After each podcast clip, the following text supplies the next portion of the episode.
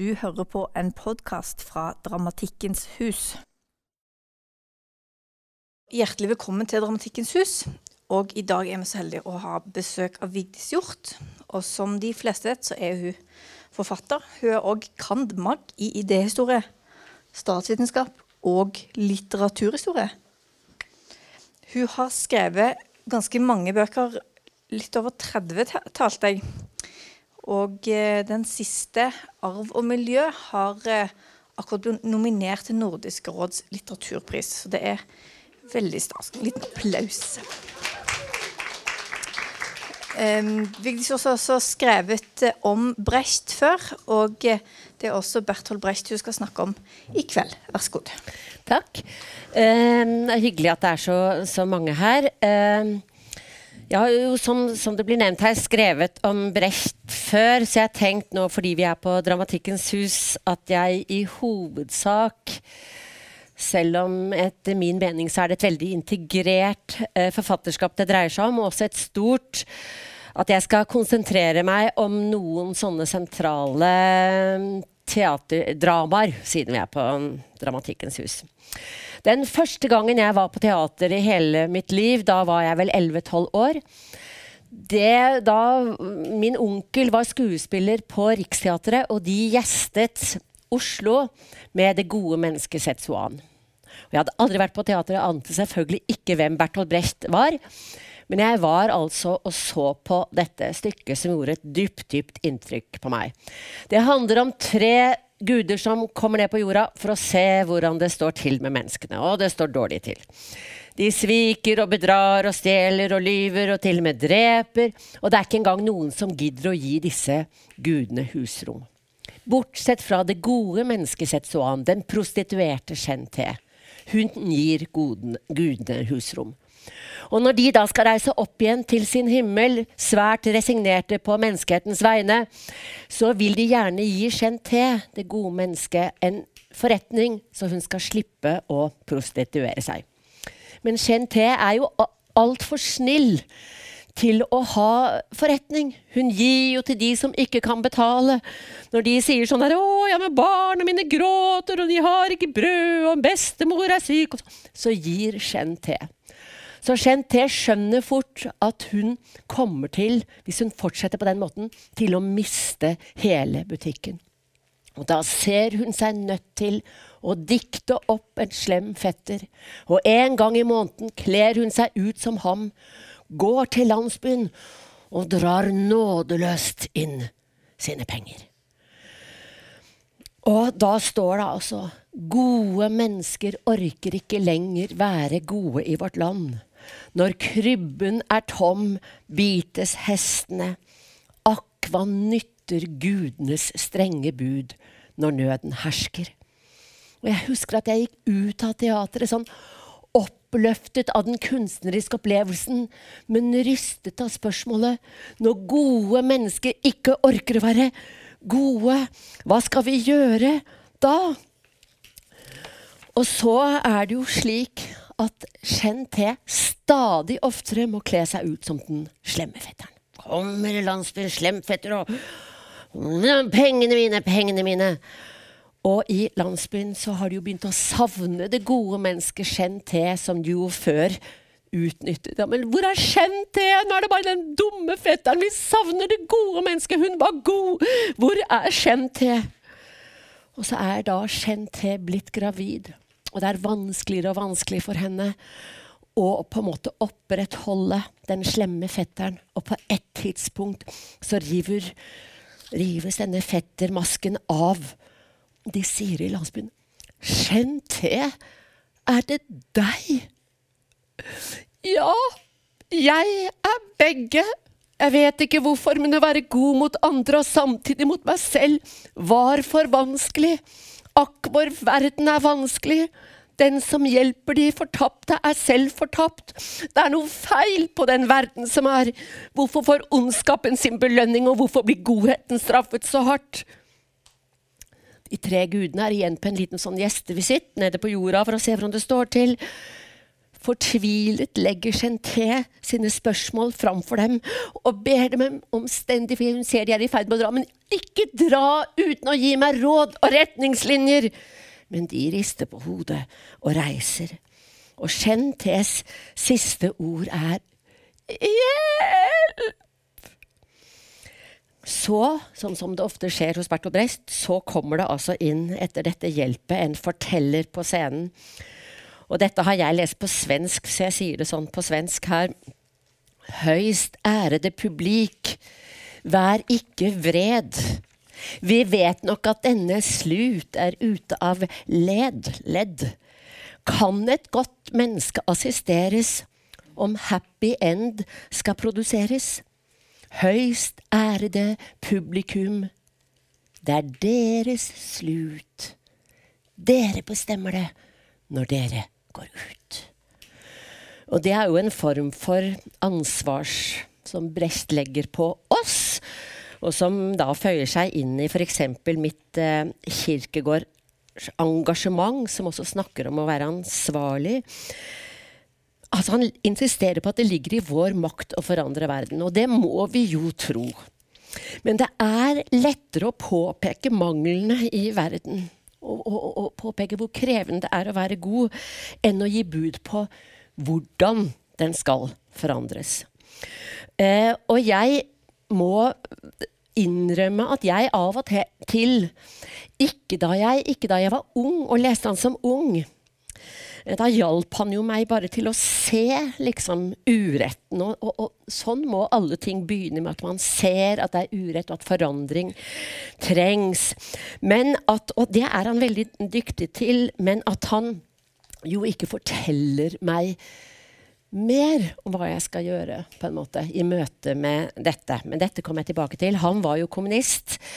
Og det er jo en ideologi som ikke er på en måte kanskje ikke kan uh, gjenopplives på en, uh, en, måte. Men jeg kommer til å forsvare han, bare så dere vet det. Altså, jeg gikk da, Etter å ha sett dette, så gikk jeg til biblioteket. Eh, jeg bestemte meg for å skrive da Der fantes bare Det gode mennesket Setsuan og Tolvskillingsoperaen.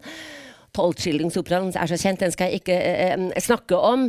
Eh, men jeg sa jeg ville skrive særoppgave om, om han, og, og lærerinnen var jo fælen fordi han var kommunist. Men jeg hadde ikke vett på å være redd for kommunister den eh, gangen. Eh, men jeg fant eh, også da altså, eh, Når, når Georg Hansen kom ut med, med diktsamlinga, så fant jeg alle disse devisene som er en øyeåpner for unge mennesker, og som er hans store forse, hvordan han greier å si altså på en måte Sammenfatte i presise setninger veldig kompliserte samfunnsforhold. Og disse er ikke utdaterte. Han la f.eks. i et skuespill soldaten si til generalen Skulle min kropp råtne for at din idé skal triumfere? Er du full? Han stiller spørsmålet hva er det verste, eie en bank eller rane en bank? Han, sier, han lar fiskeren si til meitemarken skal vi dra og fiske, eller? Som om ikke marken vil omkomme foretavene. Han snakker om de mennene som ikke vil Eller ikke menn, de menneskene som ikke vil fremskritt, men forsprang. Han skriver et sted Regjeringene skriver fredsavtaler. Lille mann skriv testament. Bare litt om For jeg tenker på hans radikale eh, hans, hans, kommunisme. Så må man si noe om hvilken tid han opplevde. Født altså i Augsburg, Tyskland i 1898 i et borgerskapet. Faren eide en papirfabrikk og tilhørte det velhavende ja, borgerskapet. Men Brecht kom veldig tidlig i konflikt med omgivelsene sine. 17 år gammel i 1915, da Tyskland var krigsbegeistret, ikke mindre, så fikk han stiloppgaven 'Det er søtt og ærefullt å dø for fedrelandet'. Da skrev han at utsagnet bare kunne tolkes som en forfengelig og målbevisst propaganda. For avskjeden fra livet vil alltid være tung, i sykesengen som på slagmarken. Han ble nesten utvist av den stilen. Etter gymnaset begynte han å studere medisin, ble innkalt til lasarettjeneste og kom til å stå overfor noen, noen av de mest lemlestede og ødelagte ofrene for første verdenskrig. Og for dem som eh, ikke har den friskt i minne, og det er vel kanskje ingen her som har, så kan vi huske på at jeg, kom, jeg kommer akkurat fra, fra, England i dag, faktisk, og nevnte dette. Så var, ble uh, sjokkerte det også disse unge studentene jeg snakket med. I det første slaget ved Somme, 1. juli 1916, ble 60 000 britiske soldater drept eller alvorlig såret. 60 000. 30 000 i løpet av den første halve timen. Og etter fire og en halv måned kamp så hadde hver side lidd et tap på til sammen 1,3 millioner menneskeliv. Og den britisk-franske frontlinjen hadde gjort en framrykning på under én mil. Altså Alle kjente noen som var rammet av den krigen. Ulikt de krigene vi vi opplever i dag, noe jeg kommer tilbake til. Men altså, dette var Dette så han med egne øyne. Han kjente flere som falt. Det er klart at denne erfaringen var med på å utvikle den siden av ham som noen vil kalle kynisk, i synet på hva mennesker er i stand til å gjøre mot hverandre, og på, også på hvilke offer en reell forbedring av forholdene ville kreve. Han ble hva vi kunne kalle en militant pasifist. Allerede som 25-åring var han så utvetydig radikal og navnet hans så kjent at da Hitler foretok sitt mislykkede putsch i München, sto navnet hans på nazipartiets eh, proskripsjonslister. Brecht visste det og var klar over at den politiske kampen ville bli ført med den råeste og mest hensynsløse vold. I likhet med de fleste av de store europeiske kunstnerne som opplevde denne første verdenskrig på nært hold som unge, reagerte han med å bli revolusjonær. Altså Picasso gjorde det samme. Veldig mange gjorde det. Det vil si, altså alt som hadde gjort denne totale katastrofen mulig, måtte brytes ned før noe nytt kunne oppstå. Og Brecht går som sagt til teatret eh, med sin reformiver. Jeg skal ikke gå inn på teaterteoriene her, men bare si at før dette så var kanskje teateret et slags sånt um, ukritisk forlystelsessted, hvor altså folk satt liksom helt på protagonistens side og, og liksom håpet og gråt når hun gråt, og, og lo når hun lo, og liksom satt og, og håpet at det skulle gå um, bra til sist. Overgitte og målløse med halvåpen munn, liksom. Hens hensatt fra sin lille og trange verden til den store, syntes å smake svimmelhetene på toppene og lidenskapens fulle styrke, løftet bort fra den håpløse verden utenfor de ikke kunne mestre. Til lyset kom på, og de vaklet ut i denne miserable virkeligheten de altså hadde gitt opp å forandre. Så han spurte seg selv hvordan rive denne umelende massen ut av denne transen og vise at det er teater, ikke virkelighet, og at det, kan, at det er mulig å gripe inn på scenen og utenfor. Eh, han virket eh, flere stykker. Jeg skal konsentrere meg om det han skriver etter at han drar til eksil. Etter riksdagsbrannen i 1933 får Hitler all makt. Løgn, undertrykkelse, propaganda og vold blir tysk hverdag. Alt går slik Brecht har forutsagt. Han forlater Tyskland i 1933 og er landflyktig med familien i 15 år. Det gode mennesket sett Swan er, et, er skrevet altså i 1942, står det. Er et vakkert og sårt stykke om det vanskelige vilkåret for det gode mennesker i verden. Mens eh, Mutter courage også handler om vanskeligheten å være god. Men kanskje først og fremst altså, Det har en mer realistisk hovedkarakter. Shem-T er jo en urealistisk idé av en kvinne. Mote Courage er en mer realistisk hovedkarakter. Og hele en overlever, en pragmatiker og en kyniker. Og hele stykket er en utforskning av hvilke pragmatiske og æresløshet og kynisme som skal til hvis man ønsker å overleve i harde eh, tider.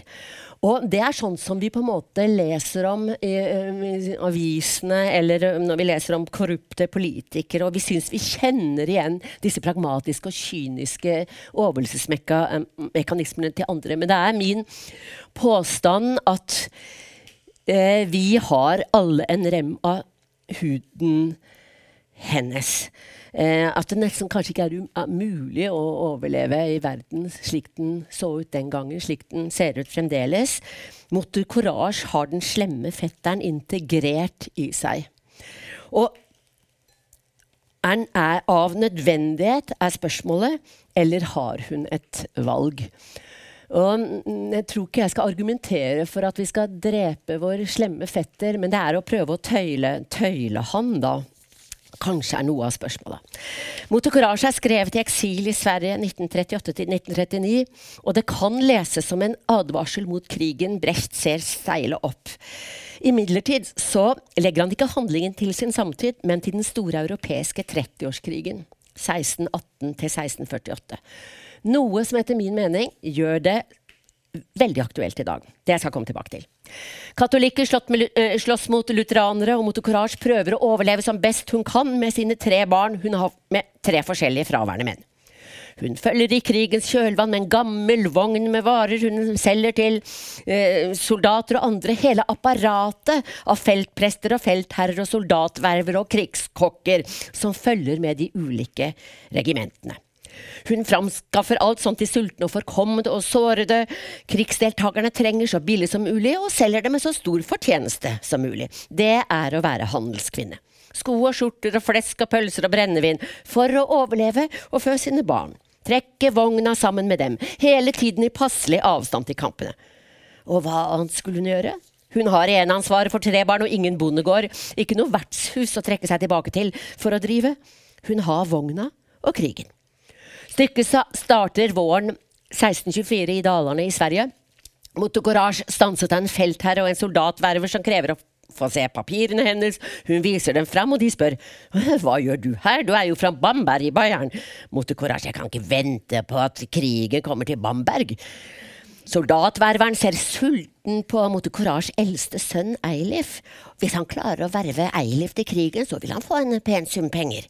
Hvorfor er ikke du soldat, spør han. Hvorfor drar du på en gammel kjerre med mora di, når du kan være modig i krigen og oppleve spenning og eventyr? Hvorfor er du her med mora di og ikke der det skjer? Men mot korasje vil ikke at Eilif skal i, krigen. Hun vet hva krigen gjør med sine soldater. Skal du lokke han til slaktebenken? Hvor mange penger får du for å lokke han til slak slaktebenken? Soldatververen svarer at hun selv tjener penger på krigen, lever av krigen, men hvordan skal den krigen hun er avhengig av fortsette hvis ingen vil være soldater?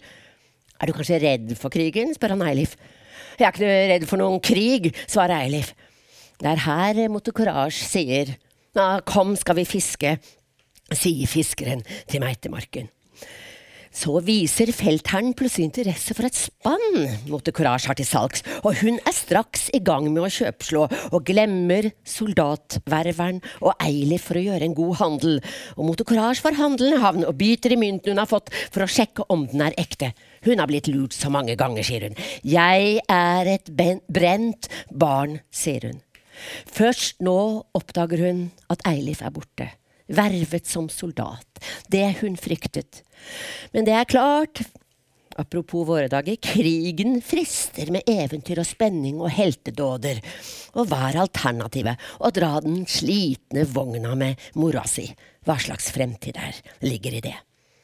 Og ganske riktig, når vi møter Eilif igjen, ikke så lenge etter, er han allerede feiret krigshelt. Han har drept noen bønder for å få tak i budskap, budskapen deres. Nøden har ingen lov, sier han utfordrende til feltpresten. Hva sier prest, eh, feltpresten til det? Ja, det står ikke akkurat i Bibelen, svarer presten, men, men Vår Herre forvandlet fem brød til 500, og da var det ingen nød, og lett å begjære at man skal elske sin neste. Det er lett når man er mett. Nå, når det er krig, er det annerledes. Eilif forsvinner til nye, førende krigseventyr, og Motocourage er i igjen alene med sønnen sveitserosten, som har den svakhet at han er ærlig, og som skal komme til å gå til grunne på sin ærlighet. Og den yngste, datteren Katrin, som krigen har gjort stum, og som mot courage gjennom stykket er redd for at skal bli prostituert, for det er slik de unge kvinnene kan overleve og tjene penger på krigen. Å overleve er hovedsaken, og det gjør man ikke hvis man har prinsipper om ærlighet og rettferdighet og stolthet. Det er slikt som den som ikke er i krig, kan koste på seg. Yvonne, den alkoholiserte prostituerte, formulerer det slik. Stolthet er ikke noe for sånne som oss. Dritt må man svelge. Motocourage er pragmatisk, har to faner hun veksler med å heise opp på vogna, alt etter hvem som leder krigen i det området hun befinner seg. En protestantisk og en katolsk. Og presten skifter prestekjole alt etter hvem som leder krigen i det området de befinner seg. En lutheransk og en katolsk. De driter i troen. En handlende spør ikke om tro, men om prisen, sier Motocourage. Og lutherske bukser er også varme. Da en ung soldat blir rasende for at han ikke har fått den belønningen han var lovet etter at han hadde svømt ut i elva for å redde hesten til en, en oberst, hyler han og roper han at det er urettferdig. Jeg holder ikke ut noen urettferdighet, sier han. Motocourage spør, men hvor lenge holder du ikke ut noen urettferdighet? En time eller to? Det er spørsmålet. Vil det ikke være dumt om du først i skafottet oppdaget at du likevel ganske godt holder ut urettferdighet? Mote Courage innbiller seg nemlig ikke at hun er bedre enn andre, bedre enn oss, at hun er snill og er opptatt av rettferdighet og sånn. Det er kanskje i det at hun skiller oss fra de fleste av oss. Den ærlige sveitserosten blir satt til å passe en regimentskasse og vil være tilliten verdig. Så når fienden kommer, så forsøker han å gjemme den, men han er klønete og blir tatt, og følgelig dømt til døden. Motte Courage kan imidlertid kjøpe ham fri, og hun vil gjøre det. Men for å skaffe pengene som trengs, så må hun pantsette vogna. Og hun bruker så mye tid på å forhandle fram den prisen hun mener vogna er verdt at tiden renner ut for henne, og sveitserosten må dø. Elleve skudd fikk han. Før han bæres fram for motocourage han blir spurt om hun kjenner ham. Og han svarer nei og fornekter sveitserosten for å redde seg. Og sveitserosten kastes på søppelhaugen. Og motocourage fortsetter, drar videre med vogna. Nå bare med den stumme Katrin. Hun får tak i noen linskjorter på et tidspunkt, kjøpt for en billig penge som hun kan selge dyrt. Så hun er vel ganske relativt godt mot. Hun drar vogna med Katrin og kommer til et sted der det nettopp har vært kamper, og en feltprest der roper etter skjortene for å bandasjere de sårede. Og, og, blant annet et lite barn som den stumme Katrin tar i armene. Men skal måtte Courage gi fra seg gratis noe hun har betalt for, som hun har utsikter til å tjene penger på? Nei. Innimellom diskuterer de krigen. Feltpresten mot courage og kokken. Kommer krigen noen gang, man tro, til å opphøre? De frykter at krigen skal opphøre.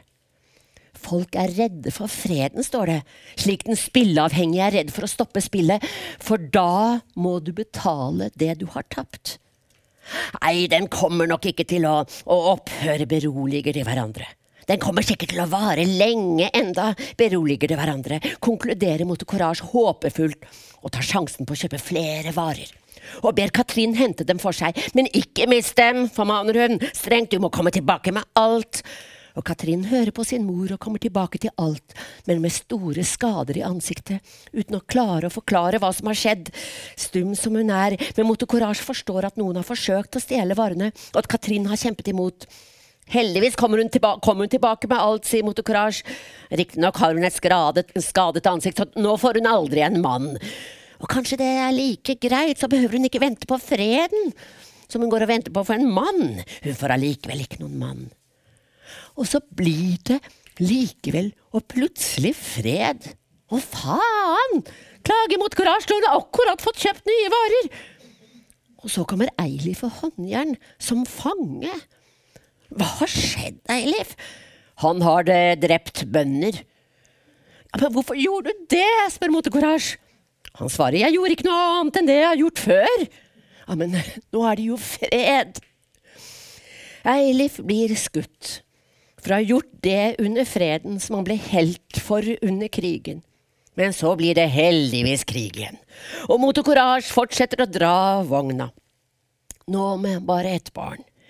I siste scene, det er i januar 1936. Krigen har vart i 16 år, og den skal vare enda lenge.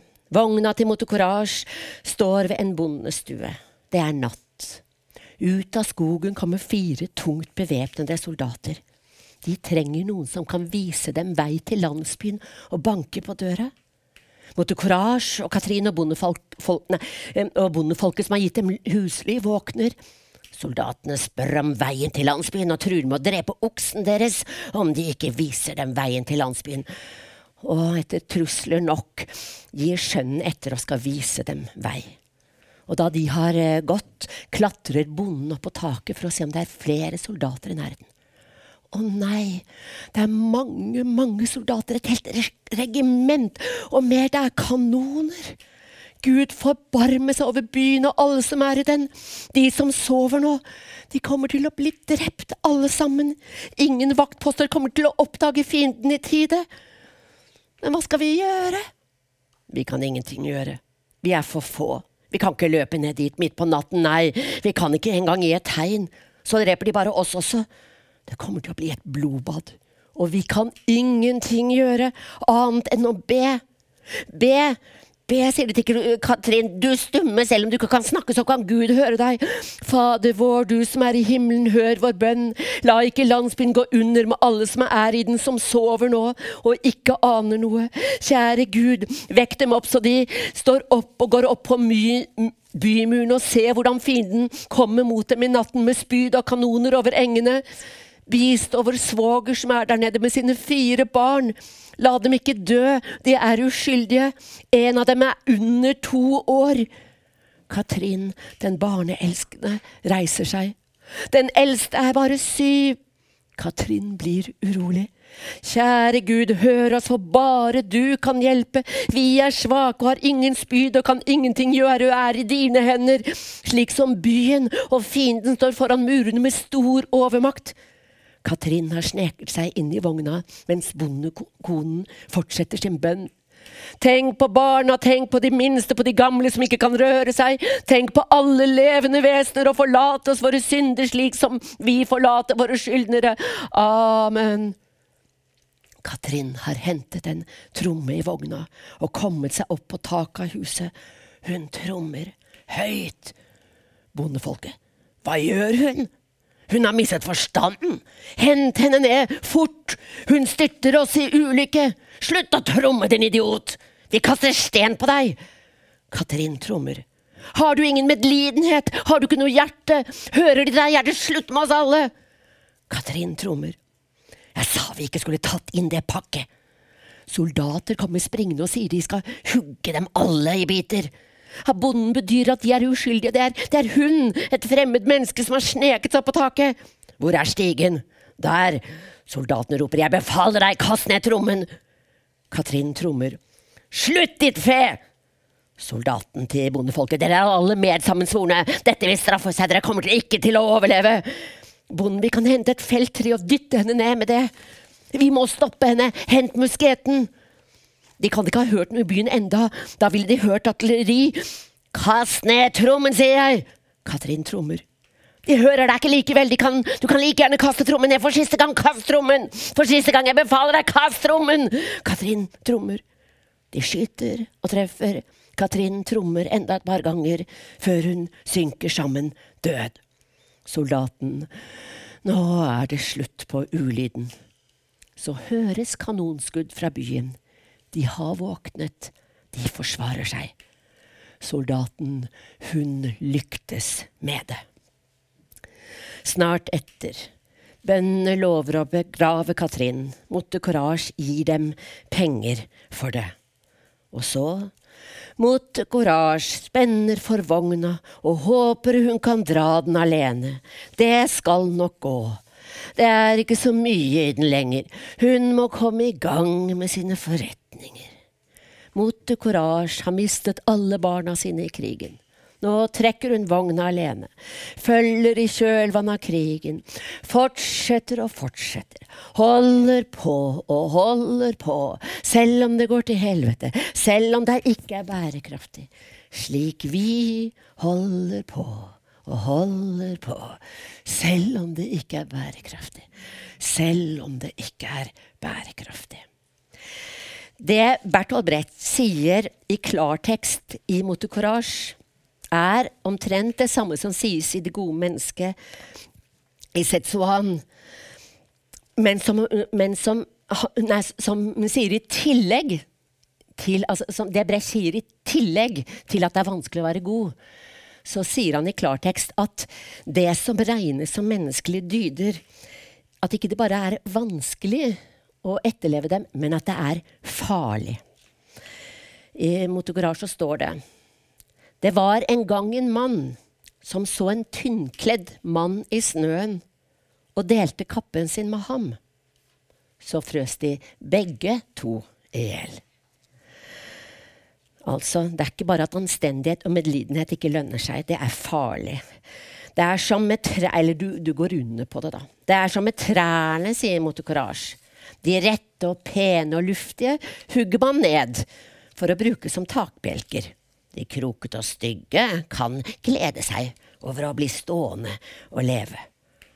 Motocourage sier et sted er best ikke å ha dyder, men noe til frokost. Helst en varm suppe. Om Katrin heter det at hun lider av medlidenhet. Uselviskhet lønner seg ikke, bare selviskheten. Slik er verden, burde ikke være sånn.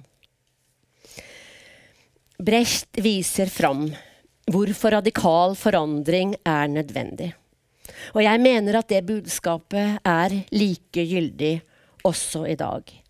Og han viser også hvordan de sårene krigen skaper, de menneskene ødelegger, ødeleggelser den medfører, er vanskelige, til dels umulige å lege. Det er jo ikke sant at brent barn skyr ilden. Brent barn oppsøker ilden, dessverre. Og selv om de krigene Norge har deltatt i de siste årene, på en måte er annerledes enn 30-årskrigen i den forstand at norske soldater eller amerikanske drone, drone ja, ja, soldater kan vel de også kalles, ser knapt sine fiender. Og i hvert fall ikke de lidelsene de påfører dem. Og sjansen for å bli drept er uhyre liten. Ingen blir lurt til å passe en regimentskasse. Og så finnes et stort hjelpe- og støtteapparat. Skulle stykket ha relevans for norsk krigføring i dag, er det noen roller som mangler. Hjelpearbeiderne sang, FN-soldatene sang, Nato-generalsekretærens sang vil jeg like å høre. Men på andre måter kan dagens krigsscene godt sammenlignes med 30-årskrigen. Den kaotiske situasjonen. De utydelige konfliktlinjene. Hele det uoversiktlige landskapet. Og det er det som var fiende i går, kan være alliert i, må i, i morgen. Det er vanskelig å orientere seg og få oversikt. Og å bygge varige allianser. Og særlig i det kanskje at religion brukes for å dekke over maktbegjær og grådighet. Og i det at i disse krigene er de fattige at det er de fattige, de minste, som lider på begge sider av konfliktlinjene. Som det står et sted, det er bare befalet på den ene siden som kan vinne en krig. Soldatene taper på begge sider. Han har et dikt som går sånn. Den krigen som kommer, er ikke den første. Før den var det andre kriger. Da den forrige var over, hadde noen seiret og noen tapt. Hos de som hadde tapt, led de fattige nød. Hos de som hadde seiret, led de fattige nød. Brecht viser oss som sagt i disse to stykkene hvorfor radikal forandring er nødvendig. Og det er lett å være enig med ham og se at forholdene roper på endring. Men hva gjør vi? Gir han et bud på det, mer konkret? Jeg mener det, slik jeg velger å tolke et tredje, mindre kjent skuespill, men som jeg mener er enda mer relevant i dagens situasjon og som i tillegg heldigvis gir et slags håp, fordi hovedkarakterene ikke går til grunne på sin anstendighet og medfølelse. Og Det er skrevet senere enn de to første, da han var i eksil i USA. Og det er den kaukaiske kritringen. Vi er i Georgia. Byen ligger stille. Men hvorfor er det bevæpnede menn? Ja, byen ligger stille, men hvorfor er det så mange bevæpnede menn? Guvernørens palass ligger fredelig, men hvorfor er det en festning? Fordi de er redd for at teppeveverne skal gjøre opprør. Jeg er lenger framme i tid. Nå er det en fabrikk med teppevevere. Teppeveverne gjør opprør. Og igjen krever det offer av vanlige folk, som det heter, når opprøret er på vei mot guvernørens hus. Og det er mange som må flykte. Tjenestefolkene også. Det står når en stor manns hus bryter sammen, slås mange av de små til jorden. De som ikke deler de mektiges lykke, deler ofte deres ulykke. Teppeveverne har gjort opprør, og kaos råder. Guvernøren fanges, og adjutanten ber guvernørens frue skynde seg bort. Men hun ser ikke tegninga. Hun vil ha med de fine klærne sine, fløyel, skjørt og silkejakken. Skynd deg, roper adjutanten. Frua, mener du at de kommer til å forgripe seg på oss? Hvorfor det? Hun, han, adjutanten fortsetter å rope, men overdommer Orbiliani har nettopp blitt hengt. Guvernørfrua sier, men hvorfor? Like blind for vanlige folks frustrasjon og dårlige kår som dagens eliter i England og USA og andre steder nærmere oss her. Når frua endelig kommer seg av gårde, har hun fått med seg fløyelsskjørtet, men har glemt spedbarnet sitt. Den flyktningestrømmen som følger av kaoset, ligner ikke lite på flyktningestrømmene i dag. Det er bokstavelig talt ikke rom i herberget og lite å spise. Og stykket viser hvordan den svarte økonomien utvikler seg der det er kaos og lite husrom og lite å spise. Og vi ser og forstår hvordan de som har vært privilegerte, har vanskelig for å innse og godta at de mister sine privilegier. Hvordan de roper på politiet for å få hjelp til å beskytte sine eiendeler, selv om politiet ikke lenger eksisterer husverten.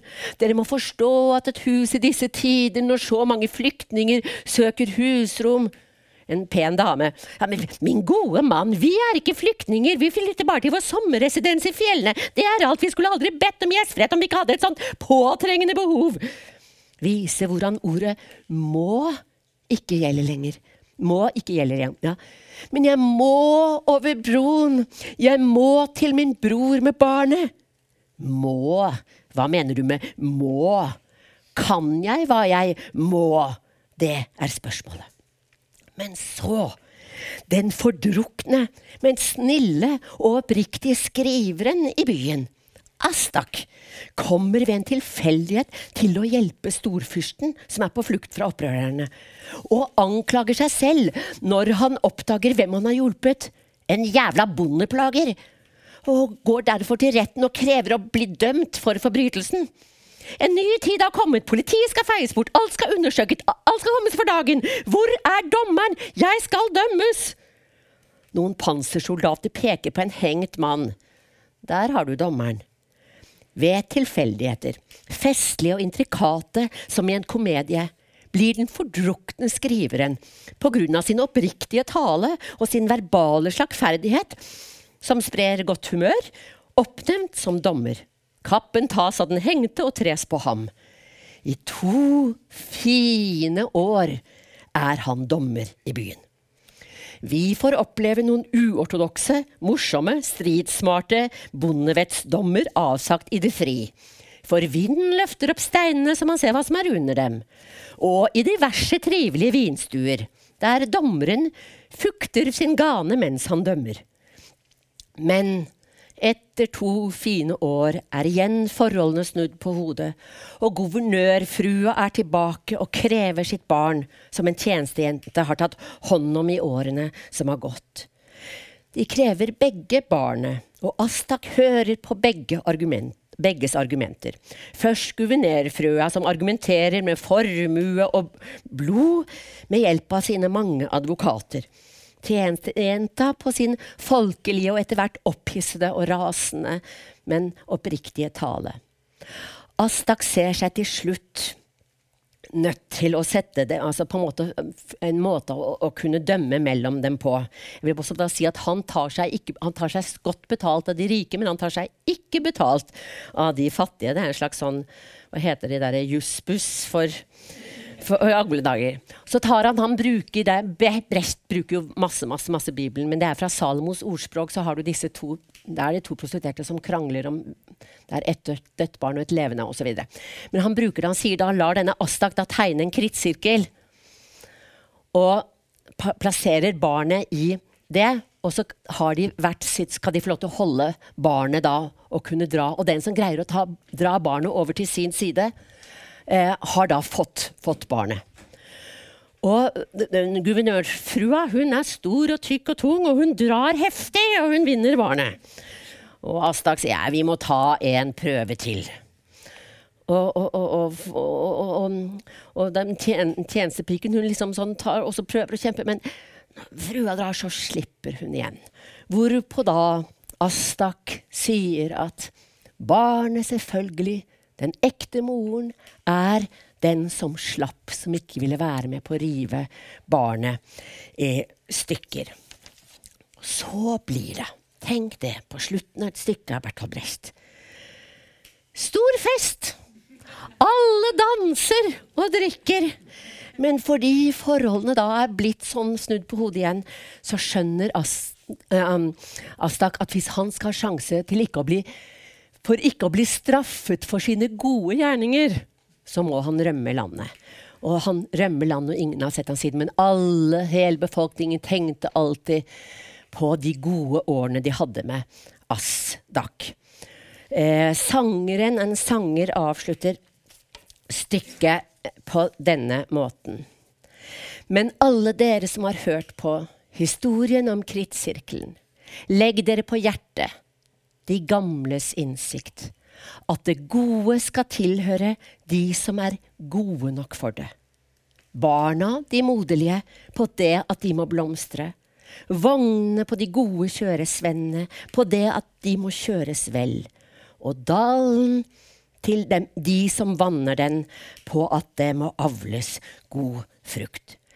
Og det, at det gode skal tilhøre den som er gode nok for det. Det er en mye mer optimistisk slutt på et stykke eh, enn en, eh, på både Det gode mennesket Setsuan og, og, og Motter Courage. Og det er en mer anvendelig læresetning og rettesnor enn det pessimistiske at det er umulig å være god. Så hva kan vi lære av ham nå, så tenker jeg faktisk helt sånn konkret. Altså for det første for, altså, har jeg fått i siste tiden sånn større respekt for, for jurister. tenker at Jurister er et viktig yrke, altså. Og at eh, hvis de bare kunne lære enda mer om, om, filosofi og etikk i sin utdanning, og at et samfunn som holder seg med gode og ubestikkelige dommere, med øye for småfolks rettigheter, det vil bidra til et samfunn hvor man kan oppleve mer lykke og godhet. Og jeg tenker på det. Hvem er det nå som greier å stoppe Trump i USA? Det er de gode juristene. Og det er de gode advokatene nå som prøver å hindre at mennesker som har bodd i Norge i nesten 30 år, skal ut fordi deres besteforeldre har, har gitt noe, noe feil. Gode jurister må vi ha, tenker jeg. Det lærte jeg av brettet, og det er en som handler veldig mye om juss, rett og slett. Um, Brecht stykker og poesi hjelper oss til å se hvordan våre egne privilegier er lokalisert på det samme kartet som andres lidelser. Og at noens rikdom som regel har forbindelse med andres fattigdom. Ludvig Wittgenstein, han, eh, han eh, Nei, nå står det to A der. Jo, og for en forfatter så ansporer han om å skrive klart. Skrive klart, uttrykke seg klart. Og Ludvig Wittgenstein, som, av, som, også er opptatt av å uttrykke seg klart, som er så irritert på den der filosofien som knudrer seg inn helt sånn uforståelig for vanlige folk, han sier et sted at selv om vi løste alle de tradisjonelle spørsmål eller alle de spørsmål som den tradisjonelle filosofien stiller, så ville vi, som vi løste alle de, så ville vi allikevel ikke løs, berørt våre livsproblemer. Derfor blir filosofien på en måte verdensferd nesten ubrukelig, men sitter med å lage systemer her på den måten. Og Wittgenstein, som også slåss under annen verdenskrig, eller også Brest slåss ikke, for Østerrike og Ungarn, han sto ytterst på de farligste stedene, hvor han, sjansen for å bli skutt var størst. Og der sto han og ba til Gud, anropte Gud. Ikke med spørsmål om å bli skånet eller ikke skutt, men Gud, gi meg innsikt! Gi meg innsikt, var det han sa. Wittgenstein gikk jo med, med, uniformen sin i flere år etterpå. Han var liksom grodd fast på han og hadde lang tid. Vet du hva? da, eh, da, Ludvig Wittgenstein Nå skal ikke jeg røre meg bort, jeg har planen her. Um, når Wittgenstein var ferdig med uh, første verdenskrig, så var han den sjette rikeste mannen i Europa. Fordi familien hans var så flinke sånn, til å tjene penger på det ene og det andre. Han sa fra seg alt og reiste til England for å undervise på den fattige landsbygda små barn er veldig opptatt av dette med å se, da. Um, og, og se, se klart og skrive klart. Så sier Brecht, sånn jeg leser et dikt, at vi må jobbe på to fronter. Snart ferdig nå. Herberget. Jeg hører at i New York, på hjørnet mellom 26. gate og Broadway, står det om vinteren hver kveld en mann og skaffer de husløse som samler seg der, penger han samler inn så de får plass på herberget. Dette forandrer ikke verden. Dette forandrer ikke forholdene mellom menneskene. Dette forkorter ikke utbyttingens tidsalder. Men noen menn har fått plass på herberget. Vinden blir holdt borte fra dem en hel natt. Snøen som skulle falt på dem, faller på gaten. Menneske, legg ikke vekk boken hvor du leser dette. Noen mennesker har nå plass på herberget. Vinden blir holdt borte fra dem en hel natt. Snøen som skulle falt på dem, faller på gaten. Men dette forandrer ikke verden. Dette forandrer ikke forholdene mellom menneskene. Dette forkorter ikke utbyttingens tidsalder. Noen må prøve å forandre de strukturene som gjør at vi produserer lidelse og fattigdom og krig. Men noen må også prøve å hjelpe de som husløse, slik at vind blir holdt borte fra dem en hel natt. Og så kan vi avslutningsvis bidra til at andre kan se. I et dikt som går omtrent sånn skrevet i 1933 etter at Hitler kom til makten og pensjonene ble senket for å få penger til krigsindustrien. Jeg er en gammel kone. Etter at trygdene ble redusert, så jeg ikke, jeg, hadde jeg ikke lenger råd til å gå i butikkene som jeg før gikk daglig i. Så jeg sluttet med å gå i butikkene som jeg før gikk daglig i. Men så en dag tenkte jeg over det. Og igjen begynte jeg å gå i butikkene som jeg før gikk daglig. Jeg ba ikke om mer, men heller ikke mindre. Et halvt brød og en purre og en kålrot. Og da bare kjøpmannen regnet sammen summen og fortalte hva jeg skulle betale, og jeg åpnet min pung, måtte jeg fortelle at jeg ikke hadde råd til å betale det, og hoderystende gikk jeg ut av butikken, sett av alle kunder. For hvis den som ikke kan betale, ikke viser seg der mat blir kjøpt, vil man ikke vite hvordan det er. Hadde vi turt det, skammer oss når det står ikke godkjent på, på når vi drar kort på maskinen. Vi har sånne sublime skammelsesgreier i samfunnet vårt som vi får de som ikke De som burde skamme seg, skammer seg ikke.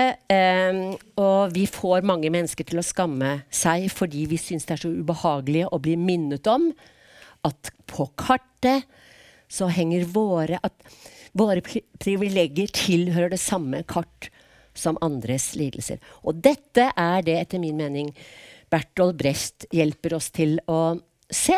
Og vi kan bidra i et sånt blindheten fra øynene-prosjekt i det små, og gjerne noen i det store også, hvis noen har lyst til å bli pre president i USA, f.eks. Takk.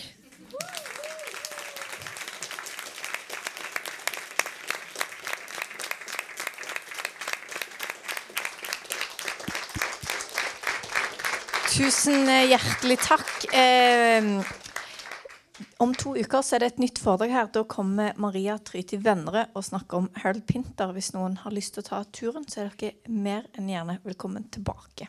Tusen takk for i kveld, og vel hjem.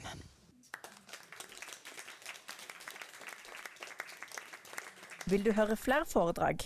Se våre nettsider, og kom til Dramatikkens hus annenhver tirsdag klokken 19.30.